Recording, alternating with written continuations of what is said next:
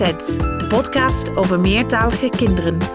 Mijn naam is Sharon Answorth, taalwetenschapper aan de Radboud Universiteit Nijmegen en moeder van twee meertalige kinderen. Daar zijn we weer met nog een aflevering van Kletsets. We gaan het dit keer hebben over de meertalige kinderopvang. Een coronaproefgesprek buiten opgenomen op een mooie maar behoorlijk winderige dag. We horen ook van een leerkracht Engels die ervoor heeft gekozen om tegen haar eigen kind naast het Nederlands ook zoveel mogelijk Engels te praten. En onze kletset van de week is de 27-jarige Nodi. Hij vertelt dat hij het jammer vindt dat hij het niet zoveel Arabisch kan spreken als hij het zou willen. Veel luisterplezier! Steeds meer basisscholen in Nederland beginnen met onderwijs in het Engels of een andere tweede taal vanaf de kleuterklas.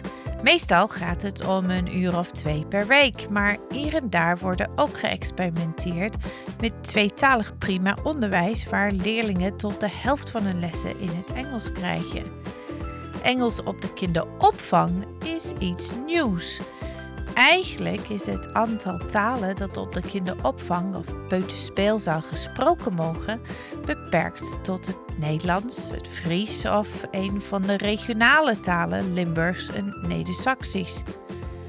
Maar sinds 2018 worden ook binnen de kinderopvang geëxperimenteerd met een meertalige aanpak. Het idee is simpel. Op vroege leeftijd spelenderwijs in aanraking komen met een tweede taal heeft een groot voordeel, namelijk beter Engels leren. In deze aflevering van Kletset horen we meer hierover. Dus hoe krijgt de meertalige opvang vorm? Hoe pakken de kinderopvangorganisaties het aan? Wat voor gezinnen sturen hun kinderen naar zo'n opvang? En werkt deze meertalige aanpak eigenlijk? Leren de kinderen Engels? En hoe verloopt de Nederlandse taalontwikkeling? Blijft dit op peil? Of zien we een vertraging in het Nederlands omdat deze kids een groot deel van hun dag op de opvang het Engels horen? Dit was de voornamelijkste zorg van het ministerie van Sociale Zaken en Welzijn, die in 2018 de opdracht gaf van onderzoekers van de Universiteit van Amsterdam om de taalontwikkeling van deze kinderen te volgen in beide talen. Voor deze aflevering sprak ik met twee leden van de onderzoeksteam, Josje Verhagen en Eva Vos. Eva is onderzoeksmedewerker aan het project en werkt veel samen met de betrokkenen kinderopvangorganisaties. Josje is onderzoeker en expert op het gebied van meertaligheid en het jonge kind. Ik begon door Josje te vragen wat we al weten van andere landen waar de meertalige kinderopvang vaak veel langer bestaat. We weten vooral iets over Amerika. En in Amerika heb je een grote groep uh, Spaans-Engelstaligen. en daar is ook veel meer tweetalige opvang in die twee talen. En wat we daarover weten is dat dat eigenlijk goed werkt. Dus de kinderen uh, versterken daar hun Spaans en hun Engels. Er zijn allemaal positieve effecten gevonden in verschillende onderzoeken. In Europa uh, vindt er op heel kleine schaal ook wel tweetalige opvang plaats. Dan gaat het vaak om Engels als extra taal. Ja. een enkele keer ook om Frans. Ehm, maar er is weinig onderzoek naar, heel weinig. En wat je wel kan concluderen eigenlijk, wat je ziet in het onderzoek, is dat kinderen wel passief wat leren. Dus dat ze wel de, ehm, de, de, tekst, de nieuwe taal leren begrijpen, maar niet zo heel erg zelf de taal produceren. En uh, wat, wat, ook gevonden is, is dat um, wat ze vooral wel leren om zelf ook te, te produceren, het zelf te zeggen, is, um, zijn allerlei uh, uitingen die te maken hebben met rituelen. Dus het ochtendritueel als alle kinderen binnenkomen, de rituelen rondom het eten, het aan tafel gaan. Die um, simpele frases eigenlijk, die, uh, die, die gaan ze zelf ook gebruiken. Ja, dus kunnen bewijzen van uh, meezingen met hallo allemaal. Precies, heel ja. basaal. Ja, oké. Okay. Uh, dus jullie zijn pioniers eigenlijk op dit gebied. Ze kijken elkaar nu heel erg uh, vragend af. Maar uh, ik mag het zeggen, maar volgens mij willen ze het zelf niet toegeven. Uh, dus is twee jaar geleden begonnen met dit experiment. Er doen uh, tien kinderopvangorganisaties uh, hier aan mee. even, wat, wat voor kinderopvangen zijn dit? nou ja, de organisaties zijn verspreid over het hele land. Um, we hebben een aantal grotere organisaties wel in de Randstad, in Amsterdam, Den Haag, Rotterdam, Eindhoven. maar we hebben ook heel wat organisaties in het oosten van het land die meedoen. Zoals meer Nijmegen, Arnhem, Elst, Doetinchem, Enschede bijvoorbeeld. voornamelijk bieden ze eh, dagopvang eh, de hele dag. Maar er zijn ook een aantal die bieden, die eh, zijn een voorschool en die doen dat eigenlijk alleen in de, ochtend dan. Aha. Dus Ja. we hebben nu eh, 750 kinderen die meedoen aan het onderzoek. Dat En is een flink aantal. Ja, zeker. Ja, daar zijn we heel blij mee. Eh, ook dat veel ouders eh, eh, het is dus ook een interessant onderzoek vinden en bereid zijn om daaraan mee te doen, of om hun kind eraan eh, te laten meedoen. Ehm, het zijn wel van die 750 kinderen hebben we dan eh 600 ongeveer die in de tweetalige groepen zitten. Eh, en hebben we nog een kleine groep, 150 ongeveer, die eh, naar een eh, eentalige groep gaan, gewoon Nederlands. Eh, en dat zijn de kinderen die zitten in de controlegroep en die gebruiken we eigenlijk om onze resultaten te kunnen vergelijken. Ja, om te kijken of het werkt of niet eigenlijk. Ja. ja. Ja. Even een stapje terug naar het begin van dit experiment. Hoe, hoe heeft het ministerie besloten welke kinderopvangen mee mochten doen? Ja, eh, de kinderopvangorganisaties mochten zelf eh, zich aanmelden voor dit experiment. Ja? Ehm, eh, in principe, er waren een aantal voorwaarden. En dat is dat ze inderdaad dus maximaal 50% van de tijd Engels mogen geven. Ja. Ehm, en de leidsters die dat doen, die moeten minimaal over niveau B2 beschikken. De, di- dit is iets nieuws, hè? maar ik weet wel dat er waren al toch een paar meertalige kinderopvangen in Nederland die bijvoorbeeld Engels eh, gaven. Hoe, hoe kan dat dan? Want eigenlijk mocht het niet. Eh, dat klopt. Ehm, er zijn ook nu in het onderzoek een aantal organisaties die al veel langer eh, tweetalige opvang boden. Of zelfs opvang helemaal in een andere taal buiten Nederland. We doen nu dit onderzoek omdat er geen beleid is, omdat het niet in de wet geregeld is. Maar er is wel een zogenaamde expat-regel. Die regel kun je zo uitleggen dat als je veel kinderen hebt met een andere taalachtergrond, dus echt de, herkomst van de kinderen, eh, dat die eh, reden geeft om inderdaad tweetalige opvang te bieden. Oké, Eh, dus, er was een uitzondering op de Ja. regel. Ja, en onder die regel werd het dus al wel vaker gedaan. Ja, ik denk aan Ja. mijn nichtjes. Mijn nichtjes gingen namelijk, ze zijn inmiddels in de 20. De, een, de oudste is net 30 geworden. Uh-huh. Voel ik me ook aan. Maar die zijn ook naar zo'n eh, opvang in eh, Amsterdam. Ja, dat is al een tijd geleden. Ja, inderdaad. ja, dat is wel een tijd geleden inderdaad. Josje, wat, wat voor kinderen zijn dat die naar deze opvangen? Ja, dat is een hele interessante vraag, want het zijn allerlei soorten kinderen eigenlijk. Daar kwamen wij achter toen wij waren begonnen met het onderzoek en de eh, formulieren terugkregen van de ouders, die ze invulden om hun kind eh, om toestemming te geven eigenlijk Ja. voor het onderzoek. En ze vulden daarop in eigenlijk met name dat ze toch echt heel veel andere talen dan Nederlands eh, spraken thuis. Dus in veel gezinnen hoorden kinderen al ehm, één of meer andere talen, soms naast het Nederlands en soms ook in plaats van Nederlands. Dus we hebben een hele meertalige groep die Ja. we bekijken. En een kleine minderheid hoort thuis alleen Nederlands. Oké, dus dat is eigenlijk anders dan wat, wat de bedoeling was vanuit het ministerie. Tenminste, als ik het goed heb begrepen, was de bedoeling dat dit is een manier waarop we heel vroeg eh, Nederlandstalige kinderen, dus kinderen die van huis uit eigenlijk alleen eentalig opgevoed worden, een goede start kunnen geven om zo vroeg mogelijk Engels te geven. Maar het blijkt nu dat die kinderen eigenlijk in de minderheid zijn. Ja, dat klopt. En dat is als je naar de hele groep kijkt. En ik kan het wel wat nuanceren, want dat is wel vooral zo in de Randstad.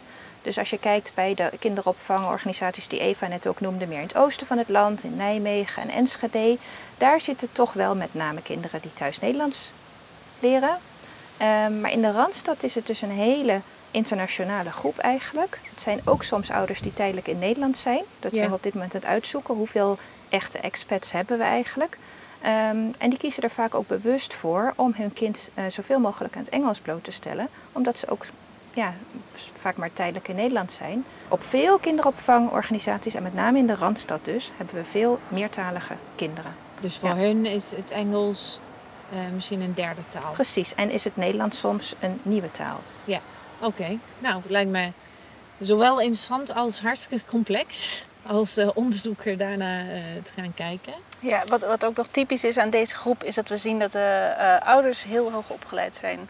Ehm, meer dan 90% is HBO of WO opgeleid. Dus dat is ook wel een specifiek kenmerk van deze groep die we nu onderzoeken. Ja, dat is het verwijt dat je vaak hoort van, goh, dit, ja, leuk, maar dit is echt iets voor die hoogopgeleide. Dit is wel, eh, Elite Elite. tweetaligheid, die Ja. term wordt wel gebruikt. Ja. Ehm, wat, hoe kijken jullie daarna tegenaan?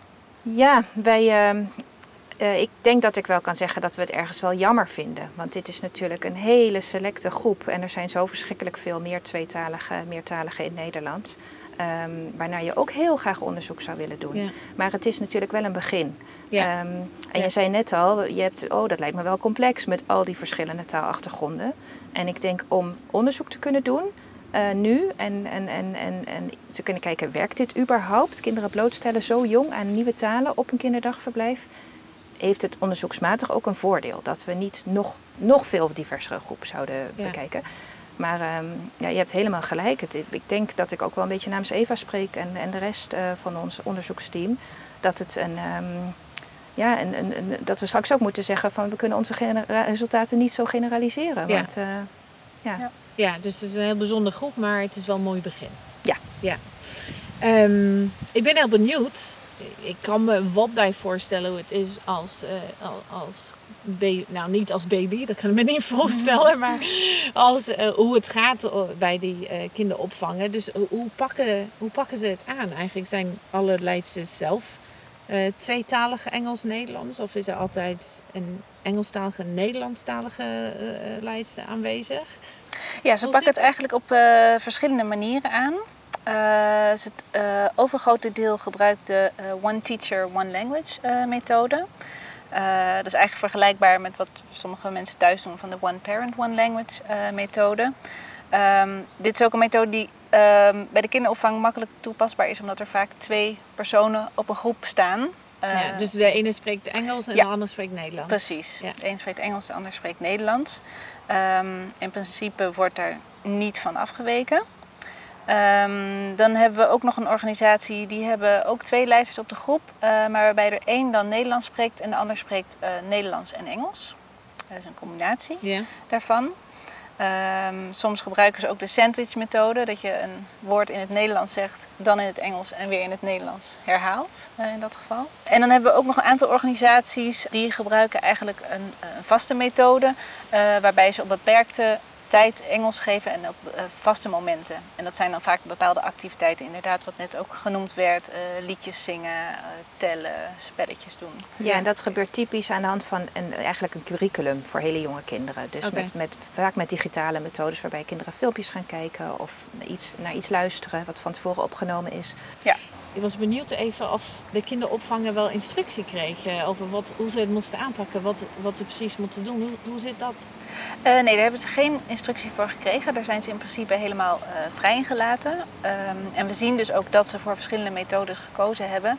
Eh, wat het voor ons onderzoek natuurlijk heel interessant maakt, omdat wij precies al die methodes kunnen onderzoeken en kijken wat nou het effect is en wat het verschil is eventueel.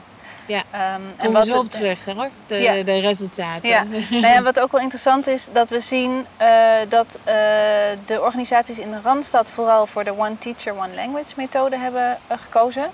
Ehm, en in de, bij de organisaties buiten de Randstad, en die dus vaak ook meer een Nederlands publiek hebben, zien we dat ze voor een iets mildere variant hebben gekozen. En dus iets minder veel Engelse input hebben. Is, is er een minimum?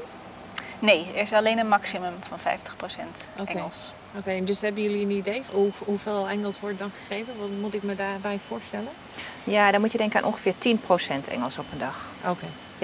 Ik zou ook nog wel iets willen toevoegen, want Eva zei net, de meesten hebben eh, voor de One Teacher, One Language ge- methode gekozen. Ja. Ehm, dat is op zich nog wel interessant, want dat is hun streven. En eh, vaak gaat het natuurlijk ook zo dat ze die twee leidsters hebben en dat die leidsters consequent hun eigen taal spreken. Maar we hebben ook een vragenlijst voor de pedagogisch medewerkers ehm, afgenomen. En daarin zeggen ze ook wel vaak, 60% eigenlijk van de leidsters, dat ze ook die andere taal wel gebruiken als de situatie daarom vraagt. Ja. En dan moet je denken aan dat, ze, dat een kind heel verdrietig is en dat ze het willen troosten. En dat ze dan toch even die andere taal Ja. gebruiken. Of ook wel om te corrigeren. Als ze, nou, als ze even boos Gedrag. moeten worden. En, Mm. ja, precies. Ehm, en, Ja. eh, en dat kind echt willen bereiken. Ja, het verschilt per organisatie. Want er zijn eh, ook organisaties die daar bewust heel consequent in zijn. Ja. En dat dus niet doen. En er zijn natuurlijk ook leidsters die, die zelf geen Nederlands spreken. En dus niet eens de mogelijkheid hebben om te switchen. Ja, eh, je zei eh, volgens mij dat criterium was dat iedereen B2-niveau moest hebben. Dus, Ja. Maar zijn, eh, zijn het vooral moedertaalsprekers? Ik denk voor Nederland zijn het allemaal moedertaalsprekers. Vrijwel allemaal. Sommigen eh, eh, die wel al langer eh, in Nederland zijn wel echt goed aan Nederlands spreken, die Nederlands spreken op de groep. En voor het Engels, we zien daar moedertaalsprekers, maar ook ehm, andere niet- niet-Nederlanders die zelf een andere taal spreken en Engels als tweede taal spreken op de groep. Ja. Dat zien we ook wel in de mm, motivaties van de eh leiders ehm, die op de groep staan. Want we hebben ook gevraagd waarom ze eh, dit werk doen. Eh, nou ja, ze geven allemaal aan dat ze tweetaligheid heel belangrijk vinden en dat ze een mooi concept vinden. Maar een heleboel geven toch ook aan dat dit gewoon een mogelijkheid is voor hun om aan het werk te komen in Nederland, Ja. terwijl ze niet Nederlands spreken. Ja. Oké, dus we weten nu een beetje hoe het eh, in zijn werk gaat op de, op de meertalige kinderopvang. Ik denk dat luisteraars heel benieuwd zijn naar of het eigenlijk wel eh, werkt. Dus jullie hebben de opdracht gekregen om de taalontwikkeling van de kinderen in beide talen te gaan volgen. Hoe doen jullie dat precies? Ja, het onderzoek duurt dus eh, vier jaar. En we hebben in die vier jaar eh, vier meetrondes gepland. Waarvan we er nu drie eh, achter de rug hebben. En we verzamelen elke meetronde ehm, op verschillende manieren gegevens. Eh, ten eerste hebben we vragenlijsten voor de ouders. Ehm, we hebben vragenlijsten voor de pedagogisch medewerkers. Eh, we doen video-observaties. Daarin kijken we vooral hoe spreekt de leidster tegen de kinderen en wat is de reactie daarop van de kinderen. Ja. Eh, en dan hebben we nog de taaltaakjes met de kinderen. We zijn gewoon begonnen met testen vanaf twee jaar. Kinderen doen heel enthousiast mee. We doen ehm, vier of vijf taaltaakjes met de kinderen. Eén sessie in het Nederlands en één eh, sessie in het Engels. Van de, de baby's dus, de kinderen tussen 0 en 2. ehm, daar halen we de informatie dus uit de, de eh, vragenlijsten die we de ouders voorleggen. Josje en Eve vertellen ons zo meteen over de eerste resultaten van hun onderzoek. We hoorden net dat de meertalige kinderopvang onder andere is bedoeld om kinderen die van huis uit alleen Nederlands horen, een vliegende start te geven in het leren van een tweede taal, in dit geval het Engels. Het is dus een manier om als ouders je kind meertalig op te voeden, al spreken jullie beiden alleen Nederlands. Een tijdje terug sprak ik hierover met Anne de Graaf van de website meertalig.nl.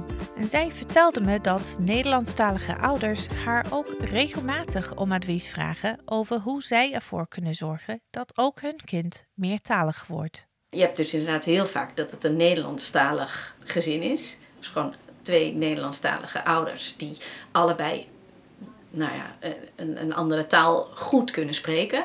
Vaak is dat Engels. En mensen vinden Engels vaak een belangrijke taal, een wereldtaal, belangrijk om later, of goed om later nog internationaal aan de bak te kunnen komen of naar internationale school te gaan, tweetalige school. Dus Engels ligt vaak voor de hand.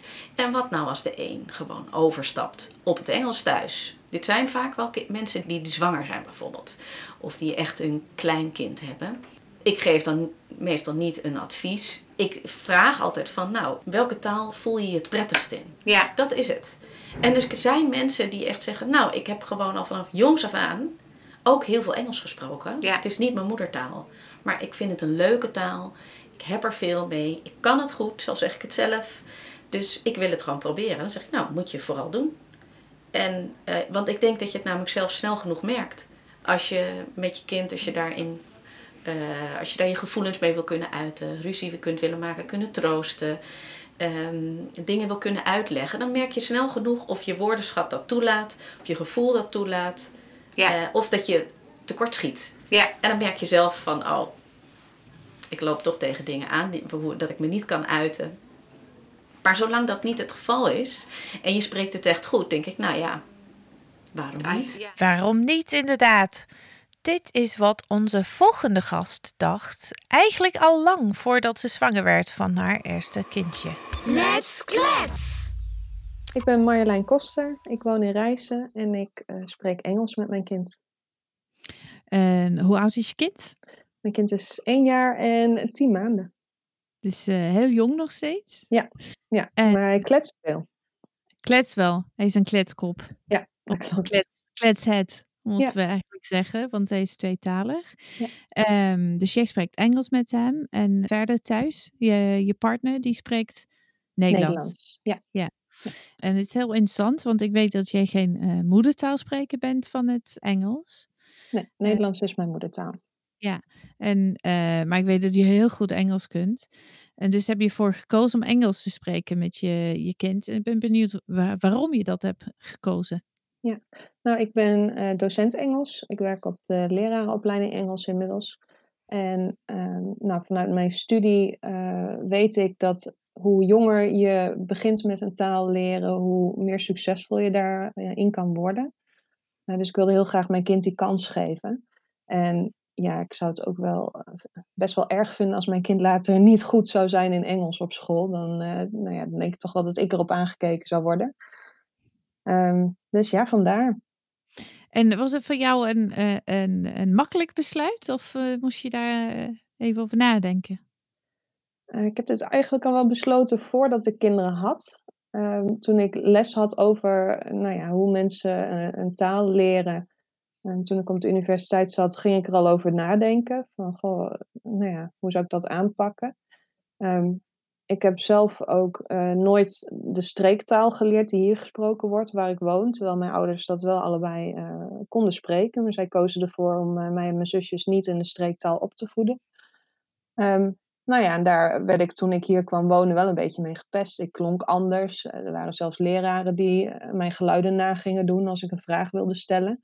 En nou ja, hoe hard ik het ook probeerde om bijvoorbeeld zo'n rollende R nog een keer te kunnen, het lukte me gewoon niet meer. Dus uh, ja, ik heb aan de lijve ondervonden dat als je uh, toch al op de middelbare school zit, dat het wel heel lastig is om nog een andere taal te leren. Zelfs ja. al is het maar een ander dialect van de taal die je al spreekt. Ja, en welke dialect is dat dan? Dat is Twents. Twents, ja. ja. ja. En hoe gaat het nu met, met de meertaligheid van je zoontje? Het lijkt wel alsof hij verschillende standen heeft. Um, ik ben zelf twee dagen thuis met hem door de week en dan praat ik Engels met hem. Uh, en zodra mijn man dan weer thuis komt, dan schakelen we over naar Nederlands. En als de andere mensen bij zijn, praten we ook Nederlands. En uh, op de dagen dat hij bijvoorbeeld bij de gasthouder is geweest of bij zijn opa en oma, dan begroet hij ons met de woorden papa en mama. Uh, ja. Maar als hij de hele dag bij mij is geweest, dan noemt hij mij mummy in het Engels. En als zijn vader dan thuis komt, dan uh, rent hij op hem af en zegt hij daddy, daddy. Ja, dus, leuk is uh, dat, ja. hè? Ja. ja.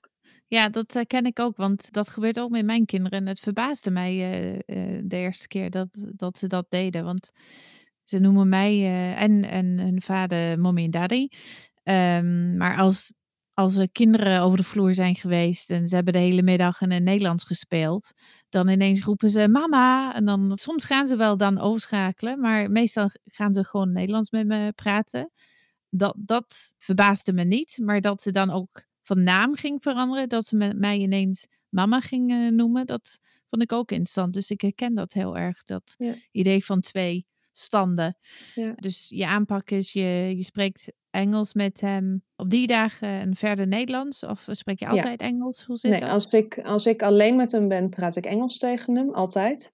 Um, ja. Soms als zijn vader thuis is, dan blijf ik nog wel in het Engels praten. Maar dan praat zijn vader Nederlands met hem. Maar dan, dan switchen we vaak van het een naar het ander, merk ik maar ja, dus ook s'avonds uh, als ik hem in bed leg en, en mijn man is aan het sporten bijvoorbeeld, dan praat ik ook Engels met hem. Dus het is niet alleen op die dagen dat ik thuis ben, maar eigenlijk meer de momenten dat we met z'n tweetjes zijn. Ja, en hij switcht uh, ook zelf uh, van de ene taal naar de andere, zei je? Ja, ja hij begint nu korte zinnetjes te spreken en af en toe dan, dan schakelt hij ineens over. Dan, dan begint hij in het Nederlands en dan schakelt hij over naar het Engels of andersom nou ja, voor sommige dingen heeft hij ook alleen maar Engelse woorden, denk ik. Dus dan, dan moet hij het wel combineren. En, en soms corrigeert hij zichzelf ook. We lopen vaak, uh, zijn opa en oma wonen hier vlakbij, dus dan gaan we vaak lopend. Nou, dan, dan ziet hij een bestelbusje staan. En dan zegt hij busje. En dan kijkt hij naar mij en dan, zegt, dan denkt hij, oh ja, het is mama. En dan zegt hij vaan. dus dan, dan verbetert hij zichzelf haast van, oh ja, mama wil dat woord horen. Ja, leuk is dat. Ja. Hè? Ja, en hoe reageren andere mensen daarop, op het feit dat je hebt besloten om Engels met hem te praten? Ja, de meeste mensen zijn wel uh, verbaasd, want ja, je hoort het niet veel. Maar ze begrijpen het wel als ik, als ik ze uitleg waarom ik die keus maak. En uh, nou ja, ook dan een beetje bijvertel wat ik dan weet over een taal leren. En dat het lastiger wordt naarmate je ouder wordt. Dan ja, begrijpt iedereen het wel. En, en vinden de meesten het ook wel jammer dat ze het zelf eigenlijk niet uh, kunnen bieden aan hun kind. Ja.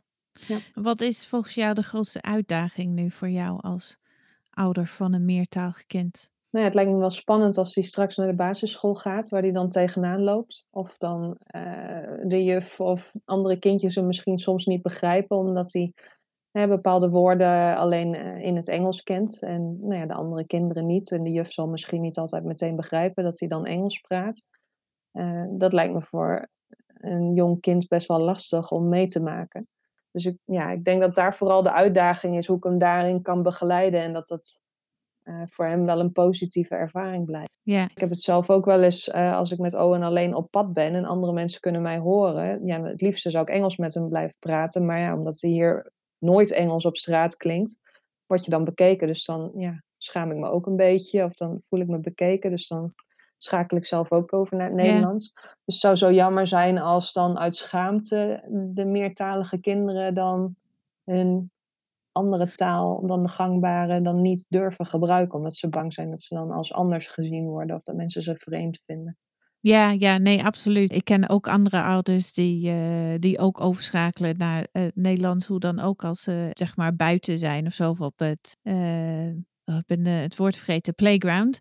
Ja, speeltuin. speeltuin, ja, dankjewel.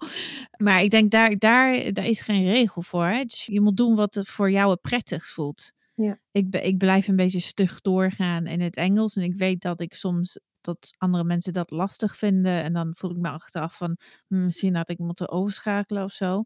Het is natuurlijk wel een voordeel van het Engels. Ik woon in een redelijk grote stad, dus het is niet zo uh, gek als je Engels hoort. Maar ik denk in al die dingen, dan moet je gewoon doen wat je zelf, waar je zelf prettig bij voelt. Ja, maar je stelt er natuurlijk ook een voorbeeld mee. Hè? Als jij in alle situaties Engels blijft praten, dan straal je daarmee wel een soort uh, trots en zelfverzekerdheid uit. En als Owen merkt dat ik schakel zodra er andere mensen bij zijn, misschien dat hij dan hè, toch wel uh, het verband legt met, oh, als er andere mensen bij zijn, dan moet je Nederlands praten, want er is misschien wel iets geks of aparts of ergs aan het Engels praten. Ja, ja, en ik denk, weet je, daar zit echt iets in. Ja. Zeker. Er zit echt iets in. Ben je tot nu toe tevreden met hoe het gaat? Ja, ik, ben, ik, moet zeggen dat ik echt wel heel trots ben. Als ik hem Engelse dingen hoor zeggen, uh, ook waar andere mensen bij zijn, dan denk ik, ja, nou, dat weet hij toch maar mooi.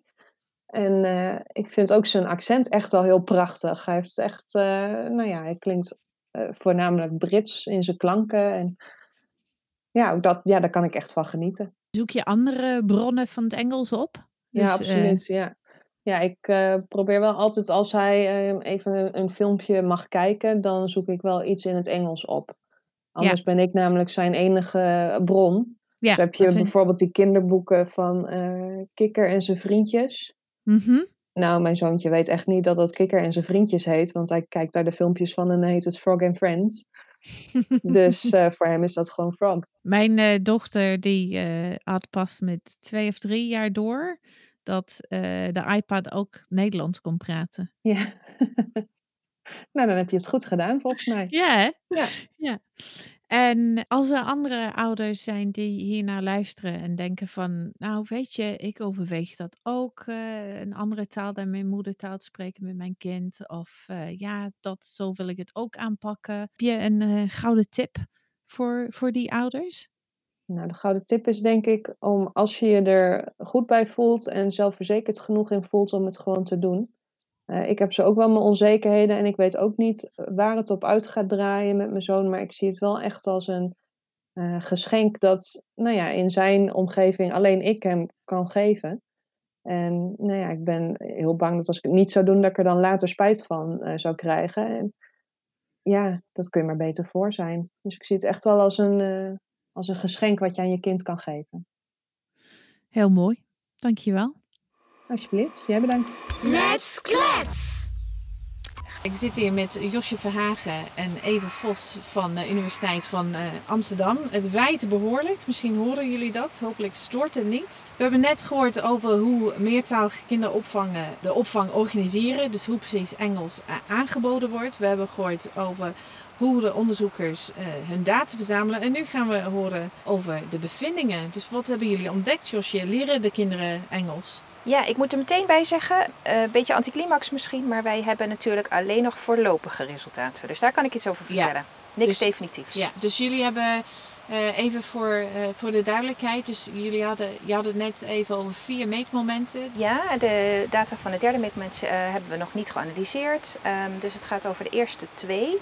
Um, wat we kunnen zeggen op basis van die resultaten is dat wij um, zien dat er um, ja, wel een voorzichtig positieve een positief verband is tussen hoeveel Engels ze horen op de opvang en hoe goed ze scoren op die Engelse taalspelletjes. Hoe lang hebben ze dan op de opvang gezeten? Dus hoe, hoeveel Engels hebben ze gehad in tijd? Ja, dit zijn kinderen die ehm, we in meetmoment 1 en meetmoment 2, en daar zat zo ongeveer negen maanden tussen, hebben gezien, hebben Ja. getest. Ehm, en daarvoor zaten ze waarschijnlijk ook al op die opvang, maar dat, dat hebben we niet precies in beeld gebracht. Ja. Dus een totale duur weten we niet. Als groep gaan ze vooruit, maar of dat geldt voor elk kind in die groep, dat weten jullie Dat nog niet. weten we nog niet. Nee. Hoe zit dat met, met het Nederlands? Gaat dat, eh, gaat dat ook vooruit?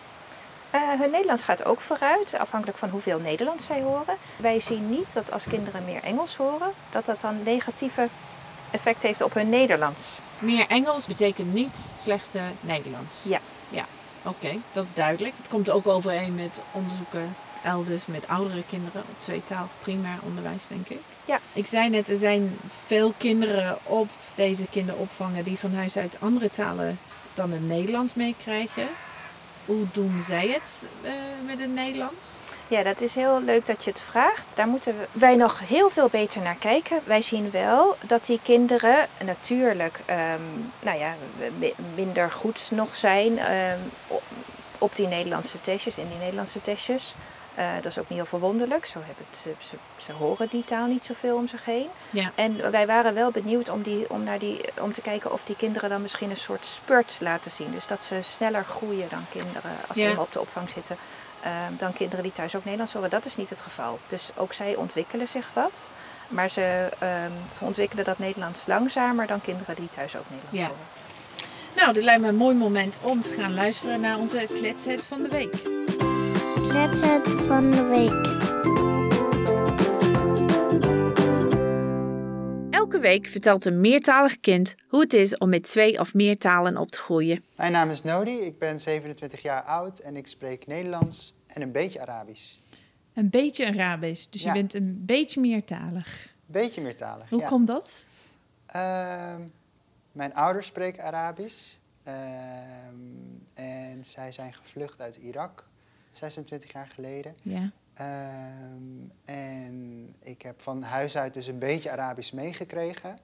Ehm, maar mijn moedertaal, dat is eigenlijk voor mij toch het Nederlands. Oké. En als je zegt, ik heb een beetje Arabisch meegekregen, wat, Ja. wat bedoel je daarmee? Mijn ouders die spraken altijd, eh, nou die probeerden in ieder geval altijd Nederlands tegen ons te praten toen wij jong waren. Omdat dat hen werd verteld. Eh, er werd gezegd van het is beter om thuis Nederlands te spreken. Want eh, nou, dat is nodig voor het kind om goed Nederlands te leren praten. Ehm, En hoe, hoe was hun Nederlands toen? Ja, eh, zij waren eigenlijk ook nog lerende. Dus zij waren ook het Nederlands nog aan het leren. Ehm, dus ik weet ook nog wel heel goed dat ik vroeger als kind heel veel moeite had met eh, lidwoorden en voorzetsels. En eh, ja, omdat thuis ging dat ook verkeerd. Dus dan eh, ja, gaat dat op school, als je aan het praten bent, gaat dat dan ook mis. En dat stond dan ook wel in mijn rapport van, nou, nog wel een beetje mo- moeite met het Nederlands. Of dat het een beetje houterig is. eh, Ja. Zinnen of woorden die niet kloppen, zeg maar. Ja, het gebeurt bij veel meertaligen en ook bij eentalige kinderen hebben ook niet de en het heel vroeg Nee, onder de knie. Klopt, ja. Ehm, maar hoe kijk je daar tegenaan nu? Dat, dat, je, dat je ouders ervoor hebben gekozen om duidelijke redenen Nederlands met je te praten Ja. eh, en geen Arabisch. ja. Eh, ik, ik snap het vanuit hun, Ja? vanuit hen. Omdat eh, ja, zij willen natuurlijk dat, dat, hun, dat hun kind zo goed mogelijk en zo snel mogelijk de Nederlandse taal oppakt. Ja? Ehm, maar ik vind het nu achteraf vind ik het jammer dat ik niet nog beter Arabisch spreek. Ja. Eh, dat had ik nu heel leuk gevonden als ik echt vloeiend Arabisch kon. Waar, waarom? Ehm, nou ja, sowieso omdat ik meertaligheid überhaupt een mooi iets vind. Ik Ja. bedoel, als ik eh, naar het buitenland ga en ik kan een taal spreken, een andere taal dan dat ik thuis spreek, dan vind ik dat wel nou, leuk om te kunnen. Dat is wel een toevoeging aan mijn vaardigheden. Dus, eh, en ook het stukje eh, communiceren, spreken in een taal die je goed spreekt, zorgt toch wel dat je meer kunt verbinden, con- con- contact maken met mensen. Ja. En ehm, hoe gaat het dan eh, met familie? Mijn ouders en mijn zusje spreken dus gewoon Nederlands. Ja. Eh, ik, ik spreek wel nu Arabisch eh, met mijn ouders. Of nou ja, het zit zo, zij spreken Arabisch tegen mij. En ik praat terug in het Nederlands met Arabische woorden tussendoor. Ja. Dus ik maak dan een beetje zelfverzonnen zinnen in het Nederlands met een woordje Arabisch wat dan ook tussendoor opkomt. Omdat ik dan denk, oh ja, ik moet me ook een beetje conformeren aan hen. Dus zo hebben een beetje eigen taal. ja, taal is natuurlijk ook toegang tot een bepaalde cultuur. ja. Hoe, hoe, hoe, hoe ervaar je dat? Dus eh, ja, ja, ik, hoe beschrijf je jezelf? Daar ben ik heel benieuwd naar. Ben je een eh Irakees, een Nederlander, een Nederlander? Eh, Ja. Het is wel een moeilijke Ja. kwestie, snap ik. Ja, ja, dat is altijd iets waar ik zelf ook veel over nadenk of over heb nagedacht in het verleden. En ja, ik zou in eerste instantie gewoon zeggen dat ik een wereldburger ben. Zo voel ik me echt. Ja, Eh, wat dat betreft ben ik niet erg nationalistisch, maar ja, ik ben in mijn doen en laten en mijn humor ben ik wel heel Nederlands, zou ik zeggen ja, of nou, westers. Ook in de manier waar, ja, waarop ik nadenk, denk ik. En de dingen die ik leuk vind om te doen, dat zijn wel dingen die worden geassocieerd met Nederland en het Westen. Maar heel vaak merk ik ook wel dat ik nou, toch een invloed heb vanuit mijn Arabische achtergrond. Een beetje temperament en een beetje... Ja, vooral dat temperamentvol heb ik heel erg meegekregen. En ook wel de chaotischheid soms. Dat ik het soms... eh, ja, Nederlanders zijn best wel eh, individueel gericht. En het Ara- de Arabische cultuur is meer collectivistisch. En dat is altijd een tweestrijd voor mij. Dat ik eigenlijk heel erg in- individualistisch ben. Maar soms mis ik dat collectieve en mis Ja. ik de gemeenschap. Eh, dat gevoel wat, je, wat, wat ik heel erg meer krijg vanuit mijn familie. Eh, ja, dat is altijd, ik zit een beetje in het midden. Ik ben altijd een beetje zoekende van wie ben ik nou? Ben ik nou individualistisch of wil ik eigenlijk meer een groepsgevoel in de Mo- maatschappij? Ja, Moet je een keuze maken? nee. Nee. Dat is het ook. Je neemt uit alles, kies je iets wat, wat je mooi vindt en wat bij jou past. Eh, maar het is denk ik, vroeger vond ik het wel heel lastig. Ja, ik wilde vragen over vroeger. Hoe, hoe was het vroeger? Heb je wel eens, ja, vond je het moeilijk op school om, eh, om een, een niet-Nederlandse achtergrond eh, te hebben? Hmm, vroeger vond ik dat, ja, op de basisschool vond ik dat wel eens lastig. Omdat je dan, je, ja, ik ben opgegroeid in Gelderland, in een klein stadje. Dus er waren, in mijn klas waren er niet heel veel kinderen met een eh, ehm, eh, andere achtergrond. Of Ja. ja. een, eh, anders dan het Nederlands. Ja, Ehm, dus dan voel je je wel alleen daarin. Of je wilt als kind gewoon hetzelfde zijn als de rest van de klas. Dus ik wilde ook gewoon eh, Jan heten en, of Bert. En ik wilde ook gewoon blonde haren en ik wilde ook gewoon blauwe ogen.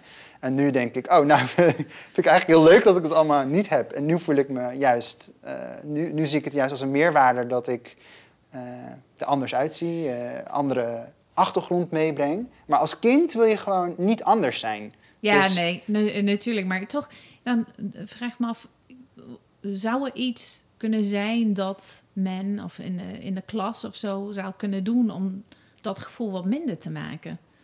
Als je terugdenkt, was er iets geweest dat jou zou hebben geholpen om dat minder te hebben? Dat, ik snap wel, kinderen willen gewoon erbij horen. Het, het is gewoon een, een, een, een, een stap in de ontwikkeling. Ja, Maar stel dat, eh, dat er gevraagd werd naar het Arabisch of eh, dat je daarover zou hebben kunnen gehad of zo. Denk Ja. je dat dat zou hebben geholpen of eh, denk je dat het juist erger zou hebben gemaakt?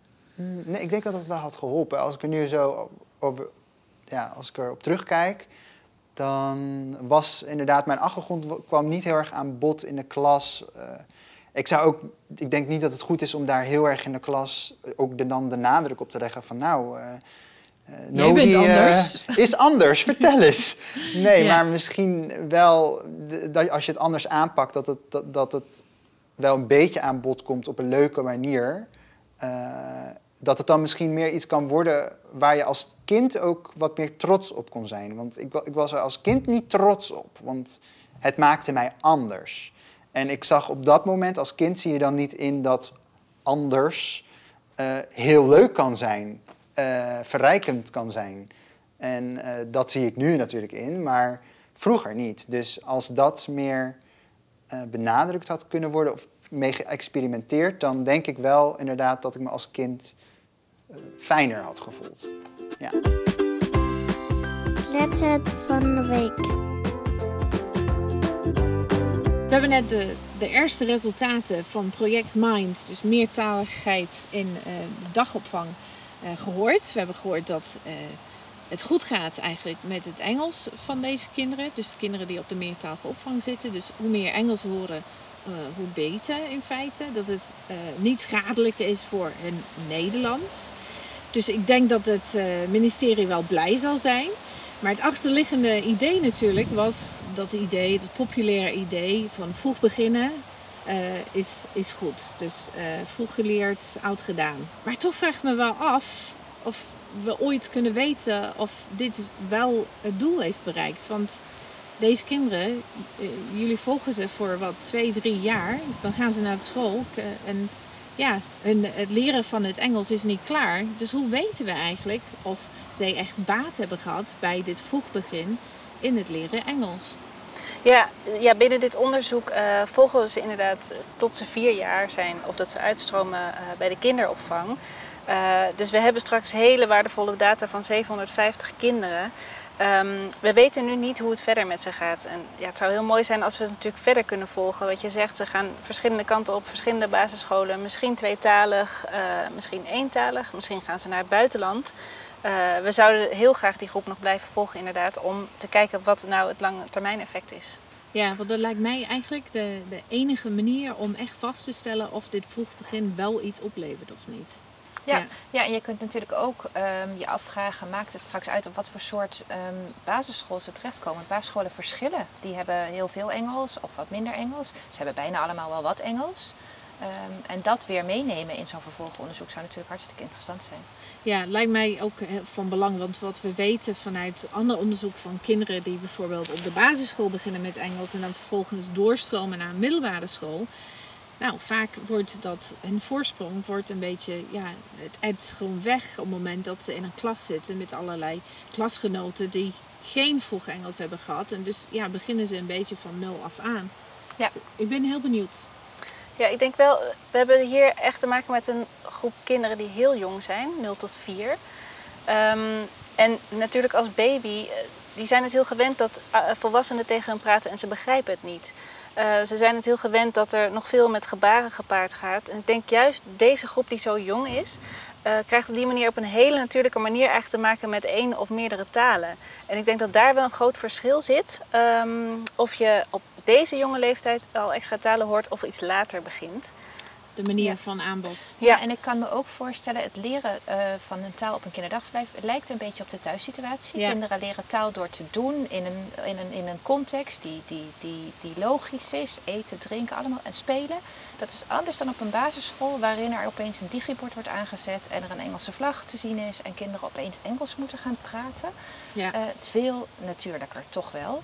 Dus uh, in die zin zou je toch kunnen denken dat ze wel ja, een zekere voorsprong hebben. Ja. De vraag is alleen, hoe lang blijft die bestaan? Ja. Dus moeten ze blijven oefenen om die voorsprong te ja, houden. En wat is er nodig? Hoeveel Engels moeten zij horen op een basisschool om, om, om een voorsprong te hebben? En, uh, en vooral ook hoe groot is die? Want als het straks een voorsprong is van 2 mm, even uh, een beetje plastisch uitgedrukt, ja, dan moet je natuurlijk ook afvragen of dat alle. Uh, ja, de investering waard is. Ja, nou dan kom je, dat, dat sluit heel goed aan bij mijn volgende vraag. Namelijk of het eigenlijk wel de moeite waard is. Nou, natuurlijk, ik ben uh, groot voorstander van meertaligheid. Anders zou ik niet een podcast hebben over meertalige kinderen. Um, maar kijk, net zoals bijvoorbeeld de Zweden, de, de Nederlanders, die scoren altijd heel hoog als het gaat om al die Europese vergelijkingen over uh, taalvaardigheid in, in het Engels. Um, dus ze doen het eigenlijk al heel goed. Hebben ze die voorsprong, dat vroeg begin, wel, wel nodig dan, vraag ik me af. Dus is het wel weggegooid geld. Ja, zijn er andere voordelen behalve die taalvaardigheid Engels? Dus hoe, hoe kijken jullie daar tegenaan? Ja, ik denk dat het is wat we, wat we net zeiden inderdaad. Dat het grote verschil is de manier waarop ze kennis maken met een, eh, met een andere taal. Of dat nou Engels is of een, of een andere taal. Maar dat dat juist op die jonge leeftijd zo natuurlijk gaat. En waardoor ze misschien, als ze dus op latere leeftijd misschien weer die taal oppakken eh, of een andere taal, veel meer openstaan voor een andere taal. Ja, ze zijn denk ik wel op jonge leeftijd raken deze kinderen aan gewend dat er andere talen zijn. eh, dat niet iedereen elkaar altijd begrijpt. Ja. Dat je soms even moet zoeken naar een, een gezamenlijke taal. Ehm, dat je soms met handen en voeten moet spreken. En eh, dus ze raken zich wel heel eh, jong ehm, raken ze bekend met het idee dat er nou, eigenlijk gewoon dat er meertaligheid is.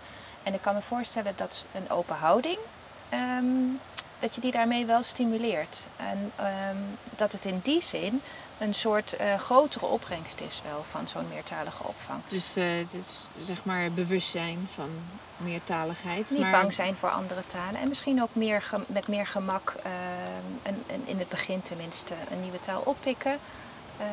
Omdat En- je dat, ja, die, die vertrouwdheid hebt. En eh, de, de communicatieve voordelen, zoals wij, eh, jij was al eerder gast eh, op Josje. Je hebt ons verteld over de mogelijke communicatieve voordelen van meertalig opgroeien.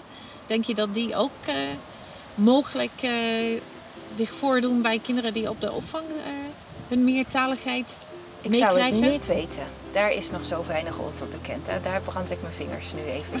Nee, ik zou het niet weten. De kinderopvangorganisaties die nu meertalige opvang aanbieden, hebben allemaal ervoor gekozen om naast het Nederlands het Engels aan te bieden. Ze hadden ook voor de talen van onze buurlanden Frans of Duits kunnen kiezen. Maar niet voor andere talen, dat mocht dus niet. Toen dit experiment met meertalige opvang nog in de planning stond, mocht je als burger reageren op de plan. Dit heb ik toen gedaan en in mijn reactie vroeg ik waarom de keuze alleen op deze talen was gevallen. Waarom niet op een van de andere vele talen die in Nederland worden gesproken? Denk bijvoorbeeld aan het Turks, het Pools of het Arabisch. Natuurlijk is dit een political hot potato of heet hangijzer, waar niemand zijn of haar vingers aan wil branden. Maar ik vroeg aan Josje of ze dacht dat als de resultaten van het lopende experiment positief zijn, het in de toekomst misschien wel mogelijk zou kunnen zijn om naast het Nederlands andere talen aan te bieden in de kinderopvang. Ja, ik begrijp heel goed jouw vraag. Ehm, wij hebben hem onszelf ook gesteld. Wij, wij, wij, ehm, denken dit is een, een eerste kleine, veilige stap om te onderzoeken. Eh, leren kinderen überhaupt ehm, wat van die andere taal? Leren ze ook nog genoeg Nederlands als je twee talen aanbiedt op zo'n kinderdagverblijf? En ehm, ik denk dat de keuze voor het Nederlands of Duits, Frans te maken heeft ook met ehm, dat het wettelijk bepaald is. In het primair onderwijs zie je ook dat die drie talen een bepaalde positie hebben, dat, die wel mogen. Ja, en wij denken wel, als onze resultaten straks blijven staan, als wij in onze uiteindelijke analyses ook vinden, het, het, het maakt niet uit voor het Nederlands, eh, als je niet meer dan 50% van een andere taal ernaast aanbiedt. Ja, dan zet dat misschien toch de deur op een kier. Ook om eh, voor andere taalgroepen in Nederland, denk aan Turks, Marokkaans, Arabisch, eh, ik noem er maar een aantal, eh, ook te overwegen om, om dat mogelijk te maken. Maar dat is toekomstmuziek. We moeten eerst kijken, eh, vinden we dat nog wel in onze uiteindelijke analyses, waarin we goed controleren voor allerlei factoren die een rol spelen. Blijft dat Nederlands, eh, ja, leren ze dat goed genoeg. Wil je meer weten over Kletset? Ga dan naar www.kletsetpodcast.nl. Daar vind je ook meer informatie over deze aflevering. Wil je geen aflevering missen? Abonneer je dan op Kletset via je favoriete podcast app. Bedankt voor het luisteren en graag tot de volgende keer.